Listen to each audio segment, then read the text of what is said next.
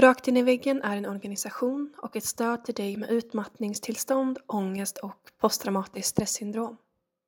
I de här avsnitten, som vi kallar för personlig podd, berättar gästen sin historia utifrån sitt perspektiv och med sina egna ord. Du är varmt välkommen att återkoppla till gästen eller till oss på Rakt in i väggen efter att du har lyssnat på ett avsnitt. Vi hoppas att du får en givande lyssning och tack snälla du för att du tar dig tid att lyssna.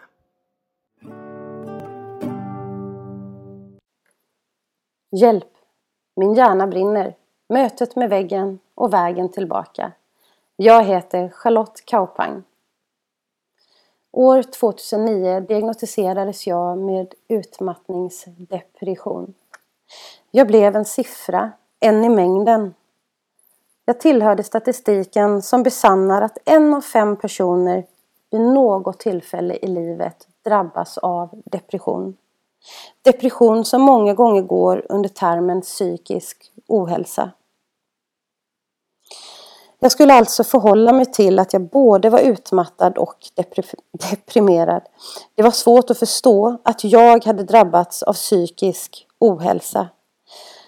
Psykisk ohälsa som genom historien har beskrivits som en rad olika formuleringar. Ja, exempelvis mentalsjuk, psykisk sjukdom, känslomässig störning. Bara några få, eller bara några generationer tillbaka i tiden så kunde det ju vara förenat med livsfara att ha någon av dessa åkommor. Samhällets syn på psykisk ohälsa och sjukvårdens behandlingsmetoder, de var långt ifrån humana. Att bli drabbad av psykisk ohälsa var förenat med skam man skulle helst lägga locket på och gå vidare med sitt liv. Att fetta sin byk inför omvärlden var ett vardagligt uttryck för 150 år sedan. Det innebar att man inte skulle dela med sig av något som var privat. Var och en gjorde bäst i att sköta sitt. När vissa velat skilja sig åt från de andra, mindre vetande, så har man använt nedsättande uttryck som knäpp, dåraktig, galen, tokig, hispig, idiotisk, vrickad och rubbad. Några av uttrycken används tyvärr fortfarande inom områden där de inte alls hör hemma. I stunden så kan ett öknamn verka oskyldigt men uttrycken lägger grunden för ett stigmatiserande synsätt på människor som lider av psykisk ohälsa. Psykiska besvär är en term som beskriver mindre allvarliga tillstånd som oro, nedstämdhet och behöver inte innebära att man får en psykiatrisk diagnos. Oro, nedstämdhet och även andra former av lättare psykiska besvär Ja, det är ofta en normal reaktion på en påfrestande livssituation. Och besvären kan såklart gå över relativt snabbt, särskilt med hjälp och stöd från omgivningen. Och för omgivningen så kan det givetvis vara svårt att skilja på tillfälligt dåligt mående och att veta när det har gått över i ett långvarigt ohälsotillstånd. Beteendemönsterna man visar upp kan vara ganska lika varandra på ytan. Man kan ha psykiska besvär men ändå må rätt bra. Just detta kan ofta vara en del av problemet när en person blir drabbad. Då kan den psykiska ohälsan gå omgivningen förbi. För att skilja tecknen på psykisk ohälsa från konsekvenserna av dålig dagsform, ja, då krävs kunskap om vad man ska titta efter. Ett känslotillstånd som kommer av motgångar i vardagen, det kan knappast definieras som psykisk ohälsa. Ingen är skonad från livets utmaningar. Ingen är bara stark. Ingen är bara svag. Vi är alla produkter av vår historia erfarenhet, livssituation och livsstil. Vi är också olika intresserade av att analysera oss själva och våra liv. Den ena känner sig bekväm med att vara transparent och prata öppet om utmaningar. Medan någon annan tycker att sådant, ja, det tillhör privatlivet. Men det vi vet genom forskning, det är att öppenhet skapar öppenhet. Människor som pratar om sina egna utmaningar hjälper både sig själv och andra. När jag var barn, säg sådär runt åtta år, så fick jag min första panikångestattack. Jag visste inte då att det var panikångest. Det har jag förstått långt senare. Under högstadiet så var jag frånvarande i ungefär 50 procent. Jag led väldigt ofta av ångest. Ångest, ångest kan jag ha än idag. Men idag har den blivit min vän, den, för, den talar ju till mig. Ångest är egentligen ingenting att vara rädd för. Det är bara fruktansvärt obehagligt. Precis som det är att uppleva en panikångestattack. Men det är också ofarligt. Det är när man inte gör någonting åt problemen som det kan bli fara, till och med fara för ens liv. När jag mötte väggen så gick ju inte det från en dag till en annan utan det har ju tagit väldigt lång tid såklart.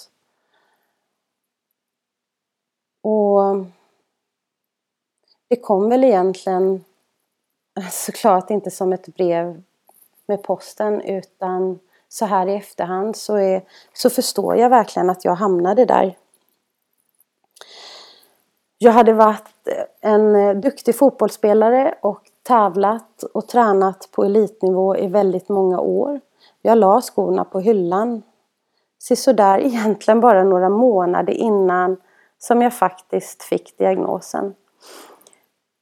Och det var när jag slutade träna och började jobba desto mer som obalansen kom i kroppen. Det säger sig självt är du van att träna så hårt och så mycket som jag gjorde och sen bara sluta tvärt och så istället lägga all den tiden och energin på jobbet. Det var ohälsosamt, jag stressade mycket, jag åt dåligt eller snarare oregelbundet. Och den dagen som jag faktiskt mötte väggen, eller så här, jag kunde ta på väggen. Jag kunde känna den. Jag hade på fredagen planerat för en överraskningsfest för min man, Brian. Vi bodde uppe i Stockholm sedan några år tillbaka. Han jobbade som aktiemäklare på bank, jag var redovisningskonsult. Och den här festen hade jag planerat i hemlighet på kvällar och helger och nätter vid sidan av jobbet. Jag dricker ett par glas vin och blir sedan sängliggandes hela helgen i något som liknade en bakfylla. Jag kunde ju i min vildaste fantasi inte förstå att det var utmattning det handlade om. Men på måndagen när jag skulle köra min syster Anna till tåget, då mötte jag väggen. Jag lämnade av henne vid tåget och kör mot jobbet, men blir stående. Jag börjar gråta hejdlöst och vet inte riktigt var jag ska ta vägen. Till slut tar jag mitt förnuft till fånga och ringer receptionisten och säger att jag är sjuk. Jag åker hem till lägenheten, bäddar ner mig i sängen och sover 24 timmar. Och när jag vaknade var jag precis lika trött. Jag gick upp, jag åt frukost och jag gick och la mig för att sova.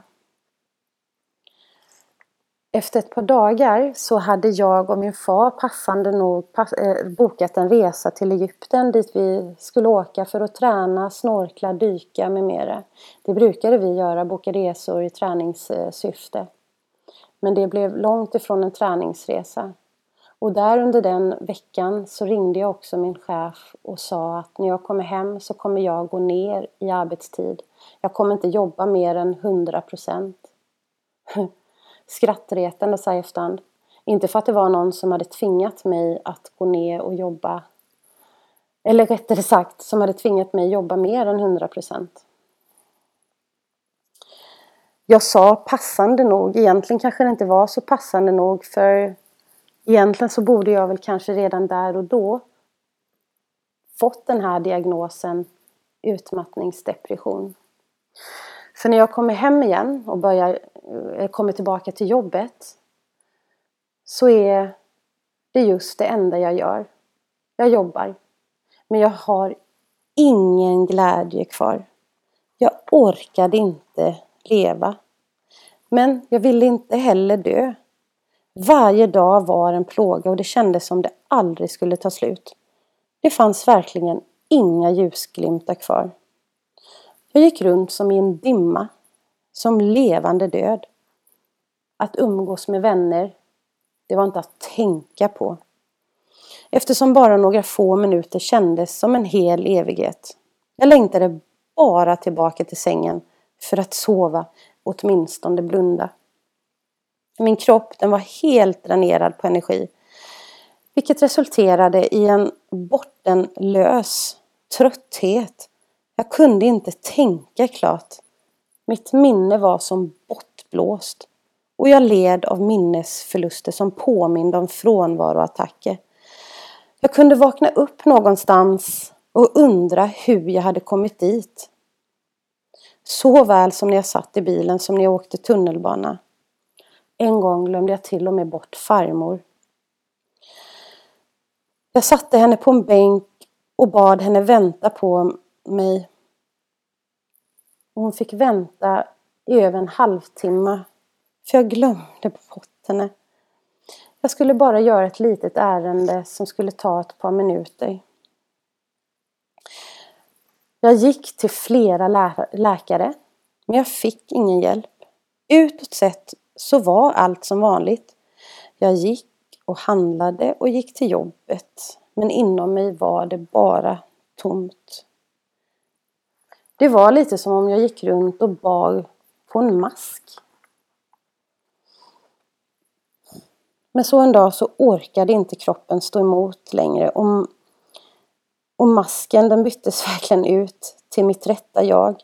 Det där förvrängda ansiktet var mitt då jag kunde inte längre dölja vad som pågick inombords. Läkaren jag kom till, hon sjukskrev mig och skrev i journalen utmattningsdepression. Jag hade mött den berömda väggen. Ja, det var något som bara drabbade andra, inte mig. Lika okunnig som jag var i ämnet, lika mycket okunskap möttes jag av. Det första jag var tvungen att göra det var att sätta mig in i min egen sjukdom. Och sen skulle jag också beskriva den för andra. Ja, det är väl lustigt det där. Alla vet vad man ska göra vid en fysisk skada. Varför ska det vara så svårt och hjälpa någon när det handlar om det mentala? Jag var sjukskriven i ett år men det hade som sagt tagit betydligt längre tid än så för att stöta på väggen. Den kom inte i full fart mot mig och, så, och den slog inte till med all kraft utan förvarning. Det var jag som inte kände till de där varningssignalerna. Och jag visste inte att livet jag levde kunde orsaka det här. Idag vet jag bättre. Och jag vet att jag inte är ensam. Och många känner igen sig när jag beskriver känslorna och tankarna om mitt mående. Ja, du som har varit och nosat där på väggen, se till så att du aldrig når ända fram. Ta varningssignalerna på allvar. Lär dig av mina och andras misstag.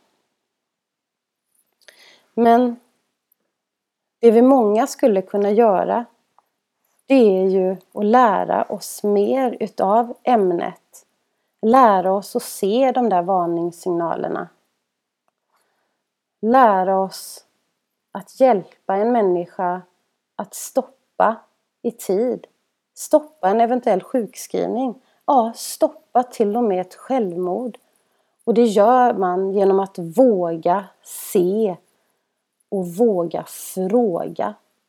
Men framförallt våga lyssna.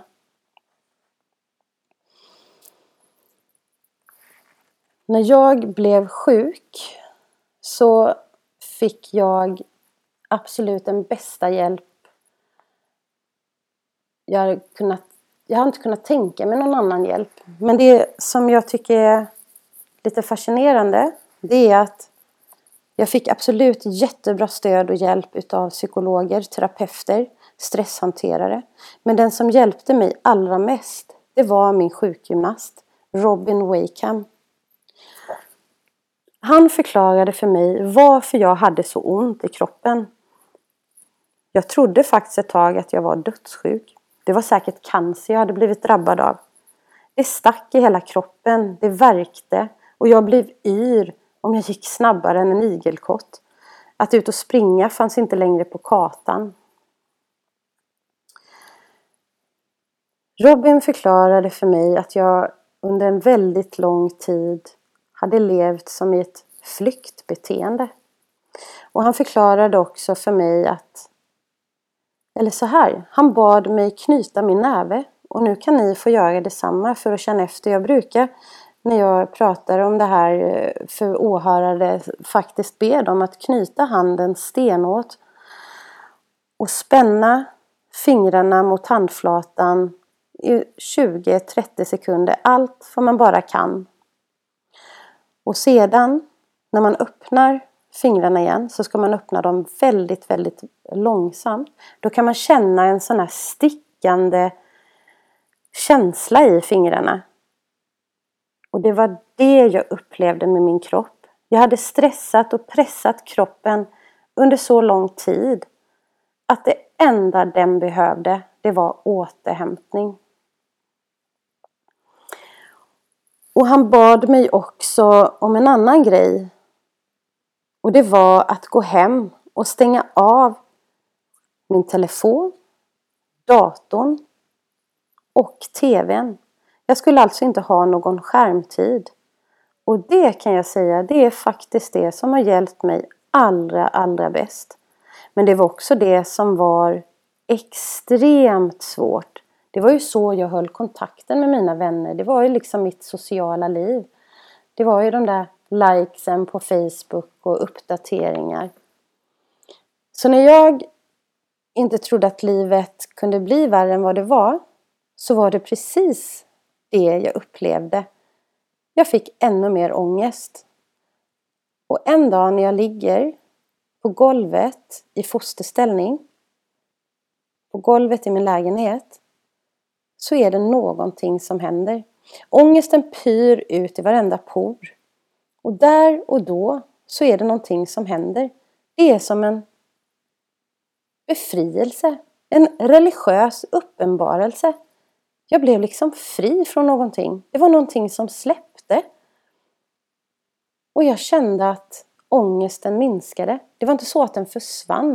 Och jag lider fortfarande som jag sa av ångest ibland men ångest den talar verkligen till oss den vill oss någonting. Den vill tala om att någonting är fel.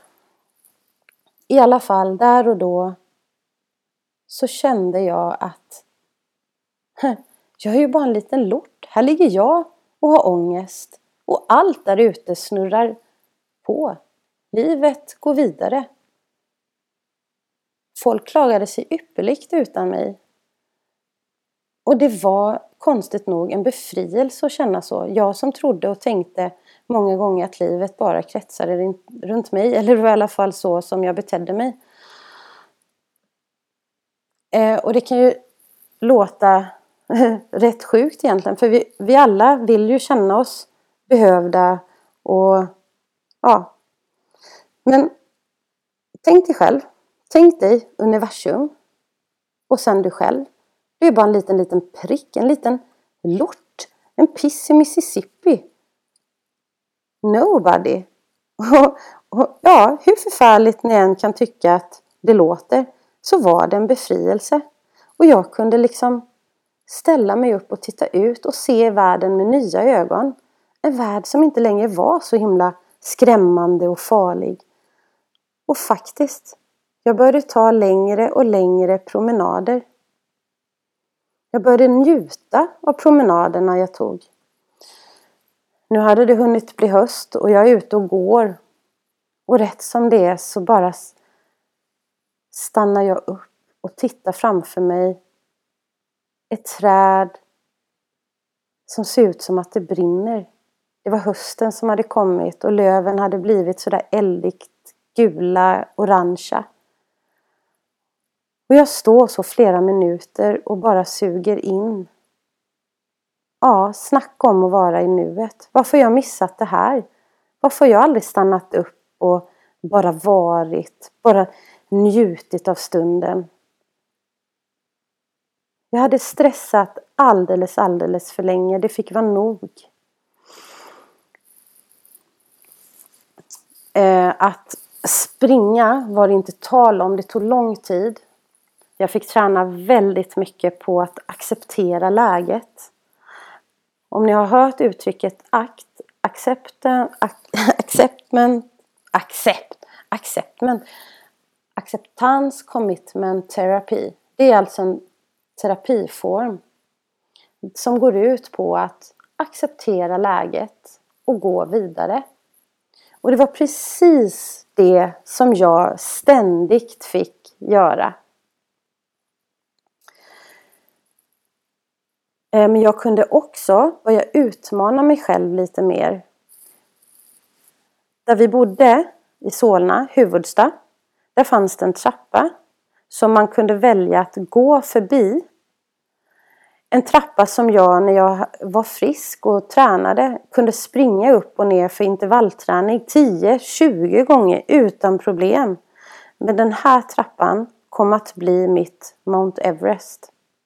Vissa dagar kunde jag inte ens titta åt den medan jag andra dagar sakta men säkert tog mig upp eller ner. Andra dagar valde jag att gå runt. Men så en dag, då hände det. Jag besteg Mount Everest. Jag kunde springa upp för den här trappan. Och jag ställer mig där uppe och gör segertecken och inser att jag kan nå mina drömmar, mina mål som jag har satt upp. Jag hade bestämt mig för att jag en dag skulle spela en 90 minuters fotbollsmatch igen. Och det var precis det jag några år senare gjorde och fick också vara med om ännu ett SM och blev utsedd till bästa spelaren i beachsocker. Det priset, det står i mitt skåp och jag är så extremt stolt av det. Alla pris man fått genom livet, barn som ungdom, det har liksom inte riktigt kommit att betyda någonting. Vilket jag kan tycka är sorgligt. Som många andra idrottsutövare så låter man det bara man låter det gå. Man, låter, man, man tillåter sig aldrig att njuta av stunderna. Eller väldigt sällan i alla fall.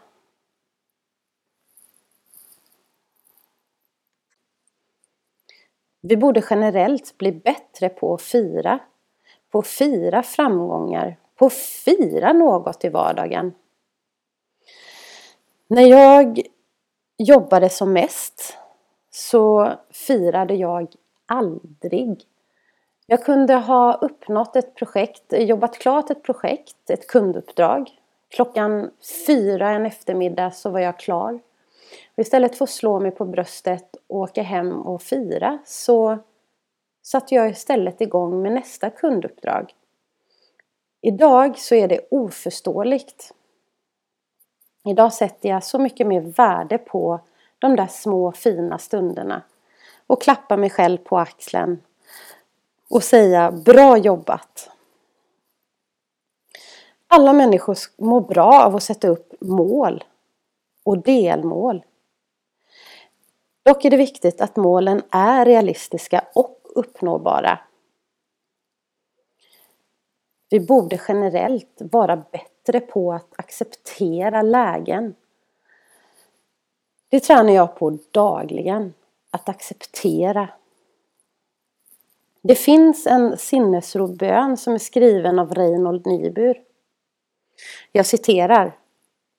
Gud, ge mig sinnesro att acceptera vad jag inte kan ändra mod till att ändra det jag kan och förstånd att inse skillnaden. Ja, man behöver verkligen inte vara religiös för att ta till sig de här kloka orden. Och mod, det är också någonting som vi måste ha för att ta oss över vissa trösklar. När jag var sjuk och skulle ta mig tillbaka, bli fri från min utmattning, fri från, fri från utbrändhet, så var det just små och lite större trösklar jag skulle ta mig över. Min övertygelse idag det är att det går. Det gick för mig och det går för alla. Det kan vara otroligt läskigt. Det är därför det behövs mod. Små, små trappsteg och ibland ett i taget. Ibland kan det bli flera. Men acceptera att man ibland behöver backa och att det ibland kommer dagar när man inte mår så där bra som man gjorde dagen innan. Det är då det lätt kan bli läskigt och man blir rädd för att då kan man känna att jag vill hellre må på ett visst sätt än att falla tillbaka. Det tror jag orsakar väl, hos väldigt många ett dilemma. För att man är rädd. För det är läskigt att vara där på djupet i avgrunden liksom. Det är läskigt att må dåligt. Och då mår man hellre lite sämre medium eller medel eller vad man ska säga. För man, man är rädd för trappstegen blir det då. Och det kan jag tycka är sorgligt för jag är övertygad om att väldigt, väldigt många fler människor skulle kunna bli fria från sin utmattning om de bara tog sig över vissa trösklar, trappsteg. Det är ju som sagt viktigt att ha balans i livet. Det finns fyra byggstenar som är, som är självklara. Och det är äta, sova, vila och träna. Om vi har balans mellan detta så har vi en möjlighet att må riktigt, riktigt bra. Men som att träna till exempel när du lider av utmattning, då ska du definitivt inte tänka på någon pulshöjande aktivitet. Att gå korta promenader kan vara good enough för att sedan utöka till längre promenader. För att sedan förhoppningsvis kunna springa en vacker dag om det är det du har som mål. Min återhämtning lyste ju med sin frånvaro. Jag vilade aldrig och dessutom sov jag alldeles, alldeles för lite och för dåligt. Jag kom aldrig ner i någon riktig djupsömn. Jag hade förmånen att få gå i sömnterapi när jag var sjuk. Det har hjälpt mig jätte, jättemycket. Än idag så kan jag tänka tillbaka till det jag fick lära mig då. Bland annat att jag behöver faktiskt inte så många timmars sömn som jag en gång i tiden trodde. Vilket i sin tur stressade mig när jag insåg att jag har inte sovit mina timmar. Och så blev det en ond spiral utav det hela. Att äta på regelbundna tider, ja det kanske är viktigare än man tror. Åtminstone att man inte slarvar med maten som jag gjorde. Jag kunde när jag jobbade som mest äta på stående fot, stressande från ena kundmötet till ett annat. Och ibland var det bara snabbmat som åkte ner genom strupen.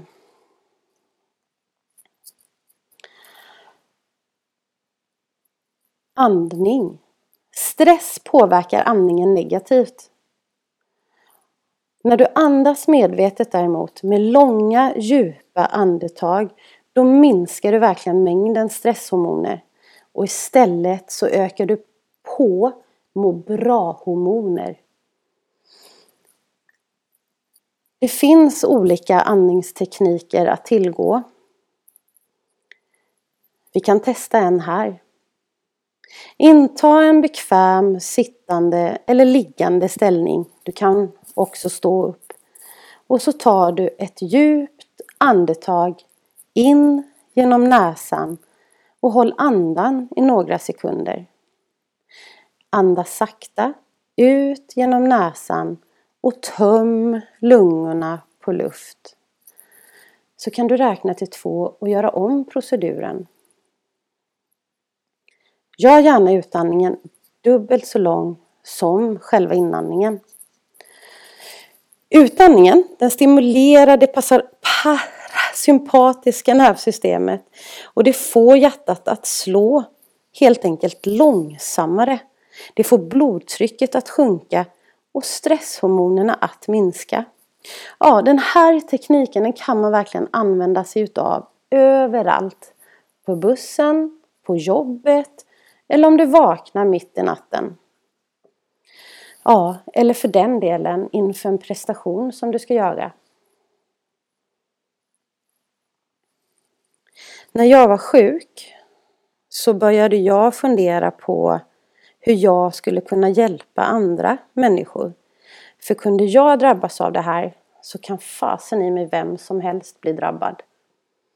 Och det är ju mycket riktigt. Alla kan bli drabbade. Tro det eller ej, men under min sjukskrivning så sa jag faktiskt upp mig. Jag insåg att det var inte det här jag ville med livet. Jag ville någonting annat. Och efter ett par år så flyttade vi från stora staden Stockholm hem till lilla trygga Kalmar där jag hade min familj och många vänner. Jag startade ett eget företag och kom ganska snart i kontakt med något som heter MHFA och det står för Mental Health First Aid Training och direkt översatt till svenska så är det första hjälpen till psykisk hälsa. Alla vet vi hur vi ska göra när någon skadar sig fysiskt. Men hur gör vi med det där eh, när någon mår dåligt psykiskt och det faktiskt inte syns? MHFA är mig veterligen den första utbildning inom psykisk hälsa, i alla fall första hjälpen till psykisk hälsa. Och den startade i Australien, togs fram i Australien utav psykologer och läkare och forskare i början av 2000-talet för att sedan komma in till Sverige på uppdrag av Sveriges regering 2010. Jag är en utav några hundra instruktörer idag. Men det jag inte riktigt gillade med MHFA var att den är alldeles för komplex och alldeles för lång när man lär ut. Så jag gick länge och funderade över hur ska man kunna nå ut med en kurs eller en utbildning i första hjälpen till psykisk hälsa ute i arbetslivet där det behövs. Om man i MHFA tar upp psykossjukdomar och schizofreni så kände jag att det behöver man inte. Vilket gjorde att jag själv grundade en utbildning, en metod som heter HHR och står för hjärt och hjärnräddning. Istället fokuserar vi på de här vanliga stress, oro, ångest som kan leda till utmattning och depression och den tredje vanligaste som är missbruksproblematiken och faktiskt sjukskriver väldigt många människor årligen i Sverige. Jag tror att det är viktigt att utbilda många människor till att bli första hjälpare till psykisk hälsa. Det kan rädda många arbetsplatser ifrån sjukskrivning och dyra sjukskrivningskostnader och faktiskt rädda liv. Under 2019 inom pandemin så hade jag för, förmånen att få prata mycket om det här med första hjälpen till psykisk hälsa. Och passade på att fråga många människor huruvida man hade kunskap inom HLR, alltså den vanliga hjärt och lungräddnings utbildningen som finns överallt i Sverige och som såklart är superviktig kunskap att bära med sig i livet. Men med handen på hjärtat, hur många har behövt använda sig utav HLR? Tack och lov så är det många liv som har räddats tack vare att vi har den kunskapen. Men under det året när jag hade förmånen att få fråga runt tusen personer så var det väldigt många som hade utbildning i HLR. Väldigt få som hade behövt använda sig utav kunskapen. Men när jag ställde frågan hur många som hade varit i behov utav första hjälpen till psykisk hälsa så är det 100 procent. Ingen kommer undan. Alla blir vi drabbade. Om det inte är jag själv så är det någon i min omgivning. Och det kan vara en kollega men det kan också vara en vän, en närstående, ett barn, en förälder, någon i den idrottsföreningen. Mm. Ingen kommer undan. Det är verkligen dagens sanning. Så om vi alla skulle bli bättre på ämnet psykisk hälsa och psykisk ohälsa, vad det är som orsakar det och lära oss mer utav det. Ja, då skulle vi kunna rädda till och med liv. Men onödigt lidande och spara samhället miljonbelopp. Och vad, vad, får man då lära sig i en eh, första hjälpen-utbildning? Ja, självklart så erbjuds det en hel del fakta. Vad är psykisk hälsa, ohälsa och vad är det som faktiskt tillhör livet? För det ska gudarna veta att allt tillhör givetvis inte psykisk ohälsa. Vi kanske slänger oss lite för vitt och brett med det idag. Att känna sorg, någon närstående har dött, det är just sorg. Det är inte psykisk ohälsa. Men det är hur vi tacklar med och motgångar som kan vara just utmaningen till att inte hamna i en psykisk ohälsa. Man får lära sig att se varningssignaler. Och när man ska titta efter varningssignaler så kan man titta efter det som är gemensamma för flera problemområden. Och det är nedstämdhet, trötthet, brist på energi, koncentrationssvårigheter eller att vederbörande drar sig undan, kanske ofta huvudvärk, inte delta i samtal eller sociala aktiviteter. Ja, om man ser återkommande mönster så är det viktigt att man vågar agera. Vi lär ut fyra steg och det första är våga se. Se efter varningssignalerna som jag precis nämnde för att i nästa steg våga fråga. Och med ökad kunskap så kommer ökad trygghet och då får vi lättare att ställa de där frågorna till varandra. Hur mår du? Det kan ställas på så många olika sätt. För många kan det bara vara en hälsnings och artighetsfras. Och det är lätt att gå förbi någon som faktiskt mår dåligt. Men som medmänniska och första hjälpare till psykisk hälsa så får man lära sig vikten av att stå kvar när man ställt en fråga som eventuellt kan bli ett jobbigt svar du får lyssna på. Du är en medmänniska som bryr dig. Och kan personen inte tackla det som du frågar så har du ändå gjort rätt. Du kan lugnt och sansat säga att okej, okay, men om det skulle vara någonting så vet du var jag finns. Det vill säga om du faktiskt har ställt den där frågan vidare när du ser att en människa inte mår bra. Eller du tror åtminstone att en människa inte mår bra. Att det är någonting som, någonting som tynger personen.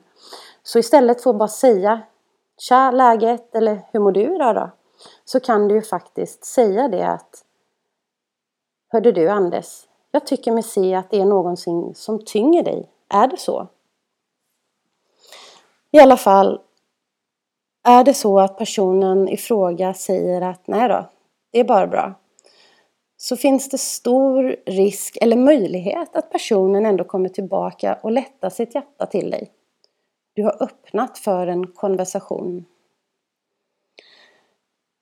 Vi alla är människor och som behöver bli hörda emellanåt.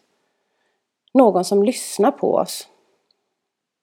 Och de allra, allra flesta människor mår så mycket bättre när man får sätta ord på tankar och känslor. Ja, och det kan faktiskt vi alla hjälpa till med utan att för den delen vara terapeut. Det tredje steget det är att våga lyssna. För många så är det svåraste att just lyssna. För man är mer van att prata än att lyssna. Självklart så kan det emellanåt behövas professionell hjälp. Och då kan man finnas där som hjälp för ett vidare, eller som ett stöd för vidare hjälp, vill säga. Det kan vara svårt att lyssna fördomsfritt, men ack så viktigt. Om vi har insikt så kan vi medvetet välja bort att delge våra värderingar. Vi kan låta bli att agera på det vi tänker om någon annan. Det är och kan vara jättesvårt. För omedvetet så skapar vi ofta en uppfattning av människorna vi möter. Det är faktiskt mänskligt. Vi dömer omedvetet utifrån det yttre, hur de klär sig och samt hur de beter sig eller uttrycker sig. Och så det här med kroppshållning. Jätteviktigt att tänka på. Sitt eller stå inte med armarna i kors, utan ha ett öppet kroppsspråk. Kom inte med några lösningar. Det viktigaste är att lyssna. Många, många gånger så sitter personen själv med sina egna lösningar återigen så himla viktigt ibland att få sätta just ord på känslor och tankar. Det fjärde steget det är att våga stödja. Varje persons situation den är unik och därmed är behovet unikt. Det är alltid viktigare att låta trovärdig i medkänslan än att man säger de där rätta rätta sakerna som man tror förväntas av en. Den drabbade behöver stöd och en insiktsfull och faktiskt stöttande omgivning. Det kan vara praktiska saker, alltså praktisk hjälp som vardagssysslor. Som till exempel laga mat, gå ut med hunden, handla, betala räkningar. Och ibland så kan faktiskt en vän eller kollega behöva hjälp för att prata med sin arbetsgivare. Det är varje arbetsgivares ansvar. Det finns nedskrivet i arbetsmiljölagar. Som, och det, ja, olika arbetsmiljölagar som reglerar det här på arbetsplatser. Det finns hjälp till alla. Och sen får vi inte glömma att det finns vissa människor som faktiskt väljer att avsluta sina liv. Och finns det minsta lilla misstanke på att personen i fråga eventuellt har självmordsplaner så är det så oerhört viktigt att vi vågar fråga.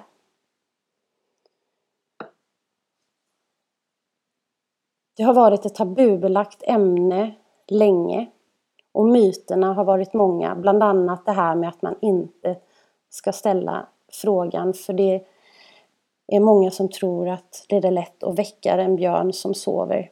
Men ack så fel. Att ställa frågan kan rädda liv. Det finns jättemånga ideella organisationer att vända sig till om man behöver hjälp. Man behöver, eh, man behöver aldrig känna sig ensam. Och just en organisation, en ideell organisation, heter just Aldrig ensam. Så har vi Suicide Zero, vi har Mind, vi har Anonyma Alkoholister. Och så finns det fantastisk personal hos Svenska kyrkan, det vill säga präster, som man kan prata med helt gratis. Ja, Bli jättegärna en första hjälpare du också. Det kommer göra vår värld så mycket bättre. Och ha gärna med dig redan nu att våga se, våga fråga, våga lyssna och våga stödja. Det här blev som en liten introduktion i HHR, hjärt och hjärnränning. Jag hoppas verkligen att vi alla kan lära oss lite mer. Att det ska bli lika vanligt och självklart att utbilda sig till första hjälpare när det gäller det psykiska. Det är verkligen min önskan. Ja, en liten sammanfattning så här långt då. Jag är den där siffran. Jag blev en i mängden den där vårdagen 2009 då jag mötte väggen. Och jag hoppas att min historia ska kunna hjälpa någon att ta sig tillbaka eller för den delen att inte hamna där. Jag är också ett levande bevis på att det går att ta sig tillbaka. Man kan till och med bli starkare. Man måste bara våga. Acceptera läget, skaffa mod. Idag känner jag mig till och med starkare många gånger än vad jag gjorde när jag spelade fotboll på elitnivå.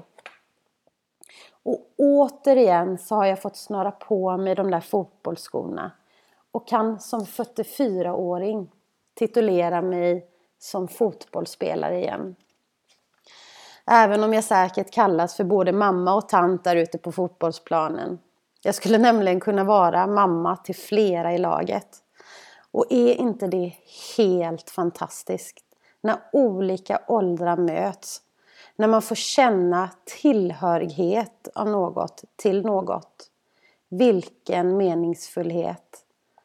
Det är verkligen lycka. Tack för att ni har lyssnat på min resa Hjälp, min hjärna brinner, mötet med väggen och vägen tillbaka. Jag heter Charlotte Kaupang. Vill du också medverka i Rakt in i väggens podcast? Besök i så fall vår hemsida för mer information på www.raktiniveggen.se medverkan. Om du vill tipsa oss om en poddgäst eller om du har en fråga eller synpunkt på det vi gör så kan du alltid mejla oss på info raktinivaggen.se för att få svar.